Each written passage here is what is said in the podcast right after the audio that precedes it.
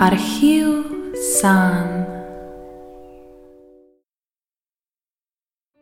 Dragi poslušalci Radia Eter, lepo pozdravljeni. Danes sem z vami Pija in verjetno, če ste redni poslušalci našega Etera, opažate, da praktično še nikoli niste slišali moje oddaje z izjemo Kiki reportaže. Torej, na Radio Eter sem nova in vas vse zelo lepo pozdravljam. Morda me nekateri že poznate, vodim namreč Psihopomp podcast, to je psihološki podcast za dušo, ki danes ustvarja to oddajo za Radio Eter. Poslušate torej prvo oddajo Arhiva, Arhiva San. San. To bodo oddaje, ki bodo na podlagi san naših poslušalcev poskušale odpreti neko odprto debato o tem, Dejansko pa je namen teh oddaj, da ko poslušalci posredujejo svoje sanje, govorim o tem in mogoče malo iz objektivnega vidika poskušam govoriti o pomenih teh simbolov, ki bi nam lahko pomagali razumeti sanje. Ko rečem objektivno, mislim na to, da ne poznamo posameznika osebno, ampak sklepamo na podlagi sanj enako interpretacijo za tega posameznika, kot bi za katerega koli drugega. Torej, poskušamo razumeti pomen sanj v nekem kolektivnem smislu, ki bi se nanašalo na vse. Prva stvar, ki bi rada povedala v zvezi z interpretacijo sanj, je, da sanje v resnici lahko interpretira vsak le sam, oziroma da se bolje izrazim, sanjalec lahko le sam odloči, kateri pomen je res pravšnji za njegove sanje. Jaz drugače študiram psihoterapijo in sem usmerjena v jungovsko analizo. V našem pristopu veliko delamo s sanjami in simboli. Mimo grede na Psihopom podkastu lahko tudi poslušate naše epizode o simbolih, sledile pa bojo tudi epizode v zvezi s sanjami. Te oddaje niso namenjene neki interpretaciji, ki bi bila brezdvomno sprejeta in ne bi dopuščala nobenih ugovorov in kakorkoli že ampak so v bistvu namenjene temu, da se sploh odpre tema raziskovanja sanj, da ozavestimo, da so sanje pomemben del našega življenja, da jih lahko pomembno uporabimo v našo korist, oziroma da je to nezavedni del naše psihe, ki poskuša prodreti do nas in nam dati neke informacije v zvezi z našim psihičnim dogajanjem. Mimo grede, ko posredujete svoje sanje, v kar vas zelo spodbujam, oziroma spodbujamo, bodo sanje obravnavane anonimno. In tako bo tudi danes, torej današnje sanje nam je poslala oseba ženskega spola, grejo pa takole.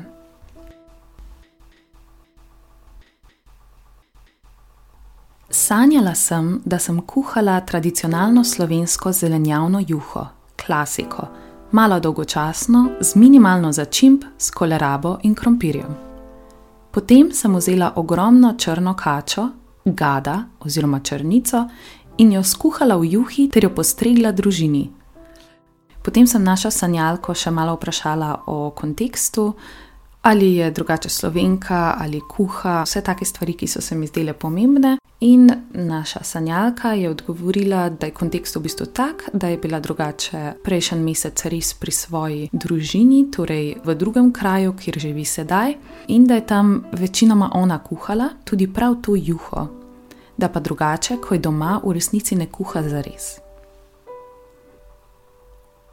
Od ljudi, ki so mi poslali sanje, sem izbrala te sanje, ker se mi zdijo ravno prav dolge, ravno prav kratke, in imajo neke pomembne elemente. Če gremo kar od začetka. Sanjalka je sanjala, da kuha za svojo družino. Kuha tradicionalno slovensko juho. Pravi, da je dolgočasna, da nima nekaj preveč začimb, da je noter koleraba, da je noter krompir in na to postreže juho z gadom, črnico, oziroma kasneje, ko sem še malo vprašala za kontekst, pove, da bi to lahko bila tudi boa, to je neka črna kača. Sanjalka jo komentira kot da je najbolj strašna od najbolj strašnih. Hkrati pa pove, da čeprav je ta kača zastrašujoča, da je imela po koncu san dejansko pozitiven in lahkoten občutek, kar se je zdelo precej čudno in da je tudi na koncu san vprašala družino, ali ni dobro, a vidite, da je dobro, jejte. Hkrati je sanjalka rekla, da sicer ne bi rekla, da je kača njen primarni simbol, da je njen arhetip, da pa je tudi od otroštva ustajala neka pravljica, naprimer bela kača s kronico na glavi ali pa tri kače iz mitskih področji Meduza, Gorgona in še ena izmed njih. Kako bi jaz mogoče videla te sanje kot nek objektivni odraz Tukaj moramo razumeti, da za res še bolj pravo interpretacijo bi lahko podali, če bi to osebo poznali na nekem globjem nivoju. Naprimer, če vzamem primer, da bi bila v terapiji, bi dejansko lahko te sanje še veliko bolj globinsko interpretirali, ker bi lahko vzeli v zakup tudi njen osebni vidik.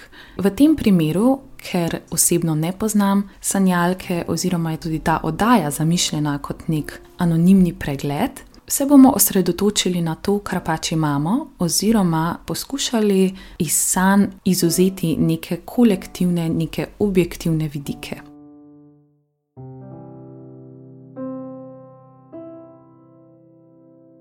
Kako se sanj lotevamo znotraj jungovske psihologije? Pravzaprav je Jung rekel, da sta dve tehniki, s katerimi lahko ogledujemo sanje znotraj jungovske psihologije, In prva bi bila asociacija. Za začetek bom te sanje poskušala mogoče malo asociirati. Torej, sanjalka kuha tradicionalno slovensko, zelenjavno, klasično juho. Pravi, da je dolgočasna, z minimalno začimb, s kolerabo, s krompirjem. Mene vse to spomne, pomemben je tukaj še kontekst, da to kuha doma, torej v krogu svoje družine ker tudi sanjalka omeni, da je drugače iz Ljubljane, njena družina pa je doma izven Ljubljane oziroma v drugem mestu. Nekako se mi zdi, da se ta situacija, torej resnična situacija, to, da je šla za en mesec nazaj domov, in sanska situacija, metaforična situacija, da je doma pri svoji družini in kuha to tradicionalno slovensko zelenjavno juho brez začimb. To me zelo spomne na to, da tradicionalna juha to je nekaj, kjer se vračamo nazaj k koreninam. Ni nujno, da so to dobre ali pa slabe korenine, ampak odražajo torej, tradicionalno, nasprotje tradicionalnega bi bilo nekaj modernega, nekaj revolucionarnega, če gremo neko skrajnost.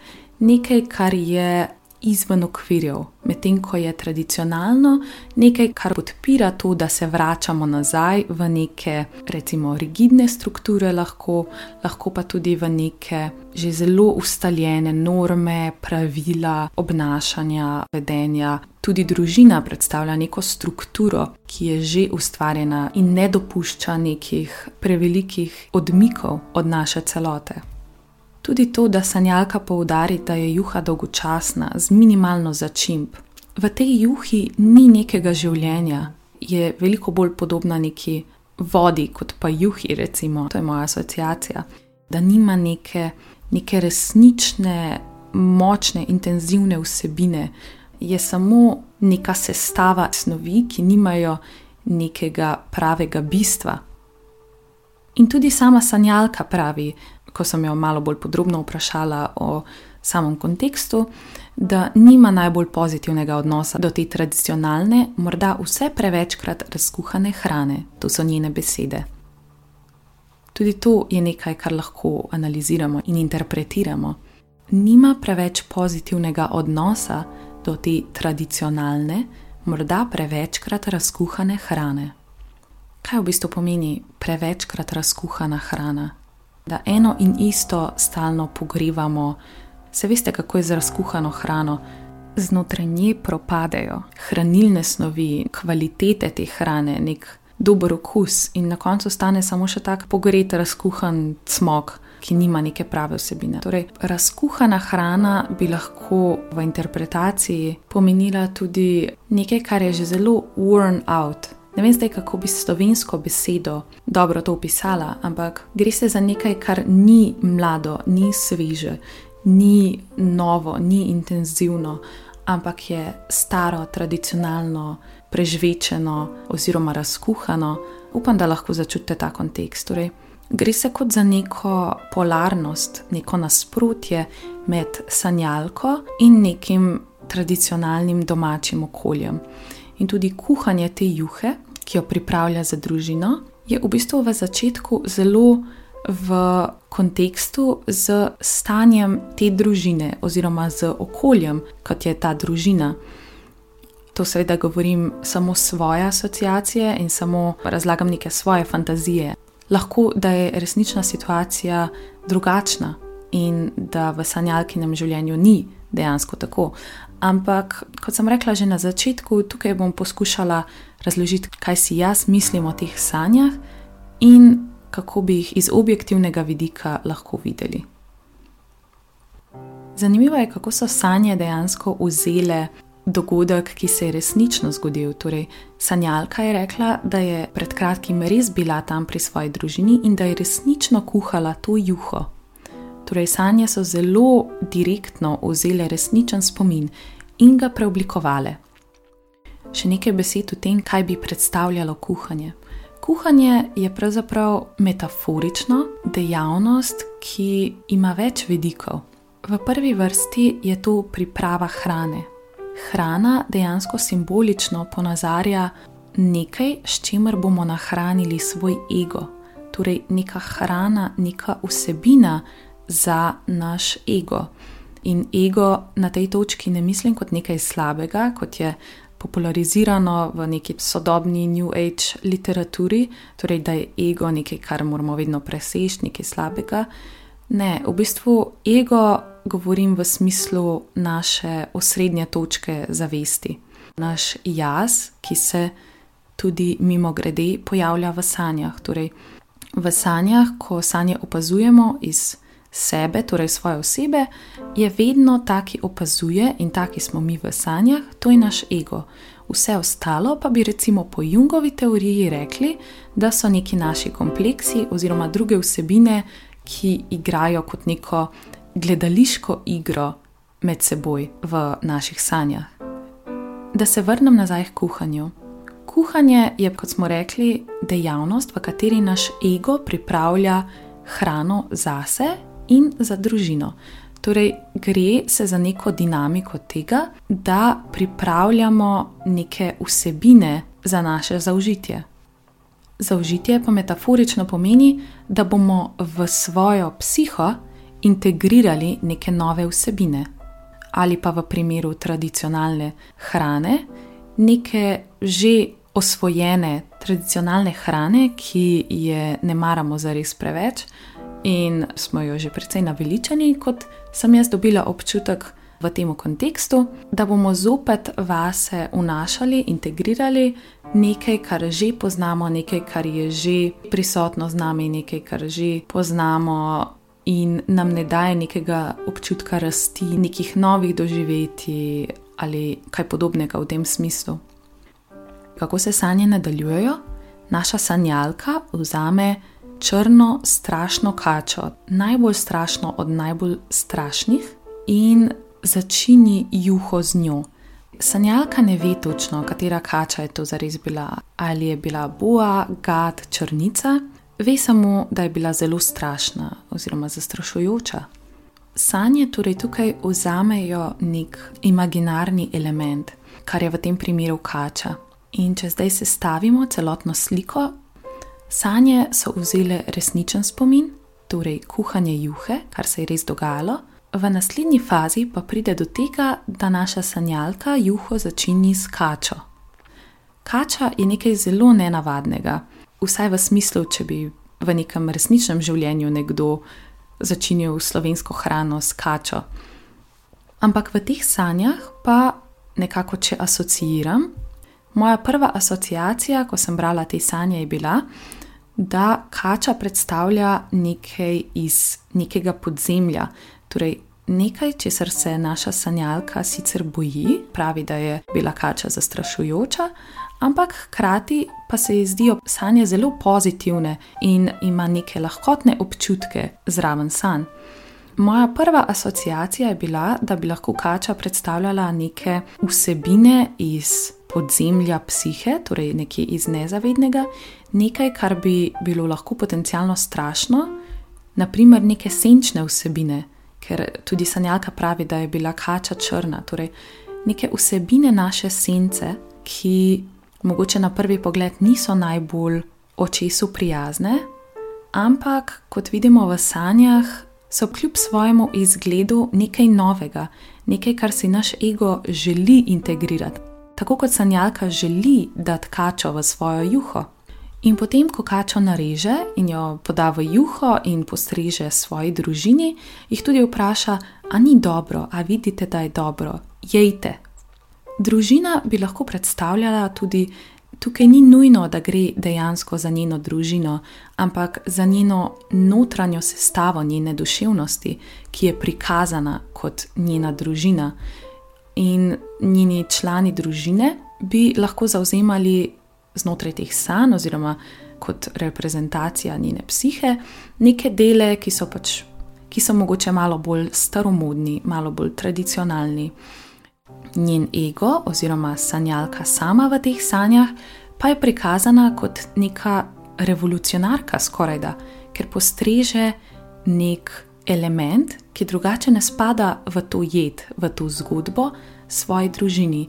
Torej, metaforično bi lahko te sanje razumeli, kot da je ego dopustil, da pridejo neke vsebine iz nezavednega, iz naše podzavesti oziroma iz naših senčnih delov, kot je naprimer ta kača, se pravi, neka navidezna nevarnost, ki pa je v bistvu na koncu prav dobra sestavina naše juhe, oziroma je na koncu nekaj zelo pozitivnega in lahke občutke vzbujajočega.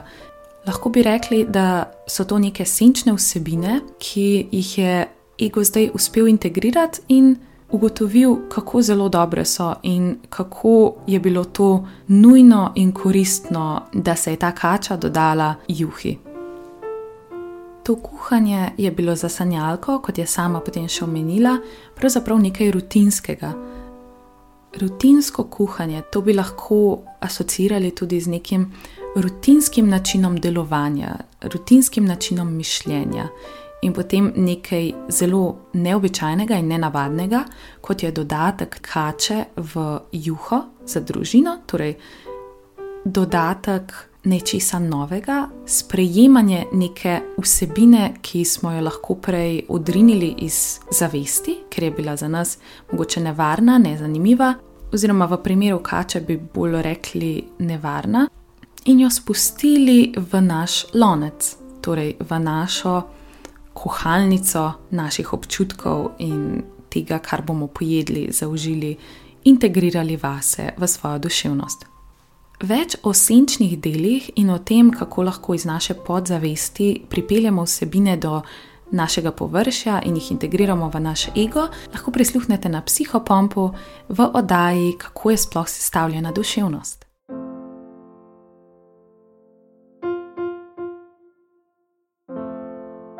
Druga tehnika, ki smo jo poleg asociacije omenili, pa je še nismo poimenovali, pa je amplifikacija. Amplifikacija je tehnika, v kateri vzamemo simbole naših sanj in jih primerjamo z različnimi pravljicami ali miti, ter tako iščemo neko povezavo med nekim osebnim dogajanjem v naših sanjah in nekim kolektivnim dogajanjem, ki je nekako v narekovajih priznano strani družbe. Uporaba mitov in pravljic je uporabna zaradi tega, ker so miti in pravljice neke metaforične dinamike, ki si jih ljudje pripovedujejo iz roda v rod, zato ker nekaj v zvezi z njimi odzvanja znotraj njihove psihe. Ali mogoče malo bolj preprosto povedano, ljudje jih imamo nezavidno radi, oziroma jih nezavidno radi pripovedujemo in poslušamo, zaradi tega, ker nekje na globokem nivoju govorijo o nekih naših notranjih psihičnih dinamikah. Če bi želeli amplificirati z miti, bi naprimer pogledali mite, kjer ženska pripravlja neko neobičajno stvar kot hrano svoji družini. Naprimer. Ali pa mit, v katerem se kača zaužije. Lahko bi tudi pogledali malo bolj široko in pregledali mite, kjer se pojavlja tako hrana kot kača. Poleg mitov in pravljic pa se lahko osredotočimo tudi na neke kolektivne pomene simbolov. Lahko bi amplificirali tudi tako, da bi naprimer pogledali simboliko barv. Zelo očitna je črna barva, nasprotna črni je bela. Če bi najprej asociirali, potem bi vprašali našo sanjalko, kaj njej pomenijo barve črna oziroma bela, ki je njeno nasprotje. Če pa poskušamo amplificirati, potem lahko pogledamo na črno znotraj naše kulture oziroma na neko kolektivno prepričanje o črni. Črna znotraj naše družbe dejansko predstavlja nekaj temnega, skritega, neznanega, nekaj, kar je v nasprotju z belim, na prvi pogled lahko bolj zastrašujoče, nosi neko morda tudi težo v sebi, medtem ko belo dojemamo kot nekaj bolj lahkotnega, kot nekaj bolj pozitivnega, ker je enostavno bolj svetlo in nekako svetlo asociiramo z nečim lažjim. Naprimer, tudi v različnih religijah, zgodbah in nasplošno v nekem že spet kolektivnem razumevanju je svetloba nek simbol pozitivnega in prijetnega lahko bi se osredotočili na simbol kače. Kača ima res nek starodaven izvor, oziroma ima nič koliko pomenov v vsake izmed kultur. Sama doma uporabljam tudi slovar sanskih simbolov, iz katerega bom zdaj le prebrala štiri asociacije in potem prepustila vam, poslušalcem, da sami odločate, katera amplifikacija oziroma asociacija bi tukaj le najbolj ustrezala. Pod točko ena v slovarju piše, da lahko kača simbolizira nek vir zla. Naprimer, v judovsko-krščanskih skriptah je kača kot neka oblika hudiča. Potem, če bi želeli naprej amplificirati, bi naprimer tudi pogledali, kako se kača kaže nekje na kolektivni ravni v naši kulturi. Če naprimer pogledamo prav nas, slovence, je v naši kulturi kar precej prisotna neka krščanska podlaga našemu narodu. Če pogledamo približno sto let nazaj in še več, je bilo krščanstvo, tako kot tudi širše po Evropi, zelo prepredeno znotraj našega kolektivnega izraza, sistema, Kar želim povedati je, da ne glede na to, da smo sedaj v neki drugi družbi, v neki drugi ureditvi, ki temu več ne daje takega pomena, je to še vseeno zasidrano nekje v naših koreninah. Tako kot je naprimer travma, če ste za to slučajno že slišali, travma se prenaša čez generacije. Torej, če so naši stari starši doživeli travmo in je niso predelali, se bo ta travma nekako prenesla naprej na najprej naše starše in potem posledično tudi na nas. Obstajajo primeri holokausta, naprimer, ko ljudje, ki so doživeli holokaust, niso bili zmožni o tem govoriti oziroma predelati te travme, In potem so njihovi vnuki sanjali o prizorih holokausta, o temnih vlakih, na katerih so jih peljali do tja. Skratka, neke prizore, ki so jih doživeli njihovi, naprimer, stari starši, ampak niso bili izraženi, niso bili skomunicirani. Torej, da nekako poenostavim to, kar zdaj govorim, naše kolektivno nezavedno, se pravi nezavedno, ki je širše od naših osebnih izkušenj oziroma samo našega življenja, ampak zajema dejansko celotno nezavedno naše kulture oziroma tudi recimo nekega naroda, naprimer slovencev. Torej, če se vrnem zdaj malo nazaj. V našem kolektivnem, če vzamemo samo slovensko kolektivno nezavedno, je verjetno kar precej prisotna neka krščanska tema. In če pogledamo v krščanstvo, je kača pravzaprav zelo pomemben simbol. Kot smo prebrali v slovarju sanskih simbolov, sicer lahko uprizarja neko zlo oziroma hudiča. Že spet po drugi strani pa je lahko tudi simbol za nekaj novega, za nekaj, kar še ne poznamo, za nekaj, kar nam bo odprlo neko novo plat življenja. V Bibliji in zgodbi o Adamu in Evi je sicer to negativna plat, vsaj tako jo interpretiramo in doživljamo, ker sta pač poslana v pravi svet, kjer morate potem trpeti. Ampak, če gremo na malo širšo raven, je vsaka smrt, torej smrt v narekovajih, vsaka sprememba neka priložnost za nas, da zrastemo, da se nekaj novega naučimo, da se bolje razvijemo in da integriramo neke nove izkušnje, neko novo znanje. Druga točka pravi, da lahko kača simbolizira zdravljenje, prenovitev, prenovo in novo življenje. Naprimer, v antični mitologiji je kača simbol nesmrtnosti, ker ima to kvaliteto, da se lahko sleče iz svoje zdajšnje kože in da izraste nova. Hkrati pa je v antično-grških časih tudi nek simbol boga zdravilstva. Prav tako tudi kača z repom v njenih ustih antično predstavlja simbol nekega preporoda, rojstva in smrti. Pod tretjo točko piše, da lahko kača simbolizira seksualnost oziroma neko psihično energijo. Kot smo se na psihopampu pogovarjali, je lahko libido več kot samo seksualnost, je lahko dejansko izraz celotne psihične energije.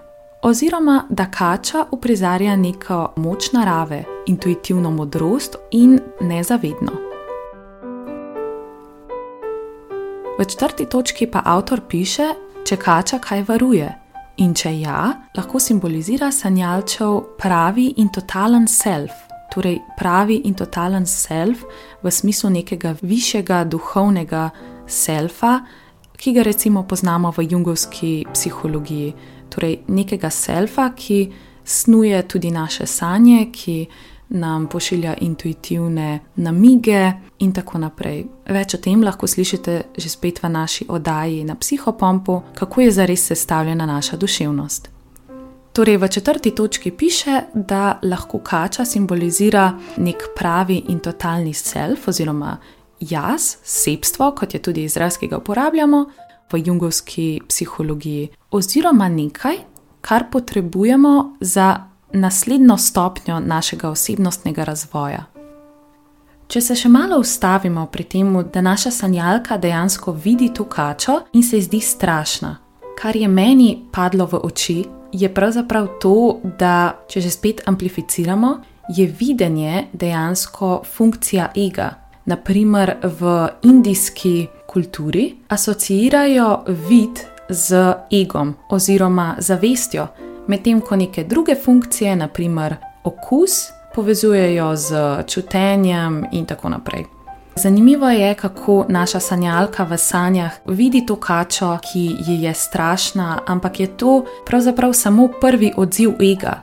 Torej, ego se kače nekako prestraši, čeprav v svojem bistvu kača ni slaba in ni strašna, kot potem pravi sanjalka, da so sanje zelo pozitivne in da jih dajo neke lahke občutke. Če zdaj poskušamo te sanje nekako zaobjeti in povzeti, bi lahko taktizirali, da te sanje predstavljajo neko skrito, oziroma bolje rečeno, nepoznano vsebino za ego, ki je morda za našo sanjalko v samem začetku lahko malo strašljiva. Njen ego ne ve točno, kaj je ta kača, je zelo nenavadna za njega in hkrati je nekaj precej neobičajnega za celotno postavitev teh sanj, torej za kuhanje slovenske tradicionalne hrane, ki bi v tem kontekstu lahko predstavljala nek splošen že osvojen način bivanja in delovanja. In kača v tem primeru lahko predstavlja nek nov element, ki se doda našemu bivanju, nek nov element, ki ga naš ego uspe integrirati, oziroma si ga upa vključiti v neko tradicionalno jed, ki jo že pozna in jo postreči svoji družini oziroma svojim notranjim psihološkim strukturam. In ko kačo postreže, tudi reče družini: Jejte, vidite, kako je dobro, a ni dobro. Torej, ta integracija neke nove vsebine, neke vsebine, ki je lahko glede na barvo in glede na podobo, torej črno kačo, neka senčna vsebina, nekaj, kar je bilo doslej skrito, malo strašljivo in nepoznano. Z enim stavkom bi potem lahko rekli, da je naša sanjalka v zadnjem času ali pa v času, ki še bo prišel, ker sanje lahko govorijo o nečem, kar se je zgodilo, kar se trenutno dogaja, ali nekaj napovedujejo, torej nekaj, kar naš ego še ni uspel zaznati, ampak neki višji deli naše osebnosti oziroma naše psihe, ki imajo večjo zmožnost zaznavanja, pa so to spremembo že zaznali, da se naprimer bo zgodila. Lahko bi predpostavili, da je naša sanjalka ali da naša sanjalka bo kmalo integrirala nek nov del sebe in da bo to za njo zelo plodno. Dragi poslušalci, prišli smo do konca naše oddaje. Zelo nas bo, itrovce, zanimalo, kaj pa si vi mislite o teh sanjah, kaj pa vi mislite, da bi lahko pomenile, oziroma glede na to zadnjo amplifikacijo, kaj se vam zdi, da bi bila najbolj primerna izmed teh štirih možnosti za razlago teh sanj. Etrovci in psihopomp se zelo veselimo vaših odgovorov in seveda vaših sanj. Hvala, da ste bili danes z nami in da ste nam prisluhnili. Vaš psihopomp za radio Eter.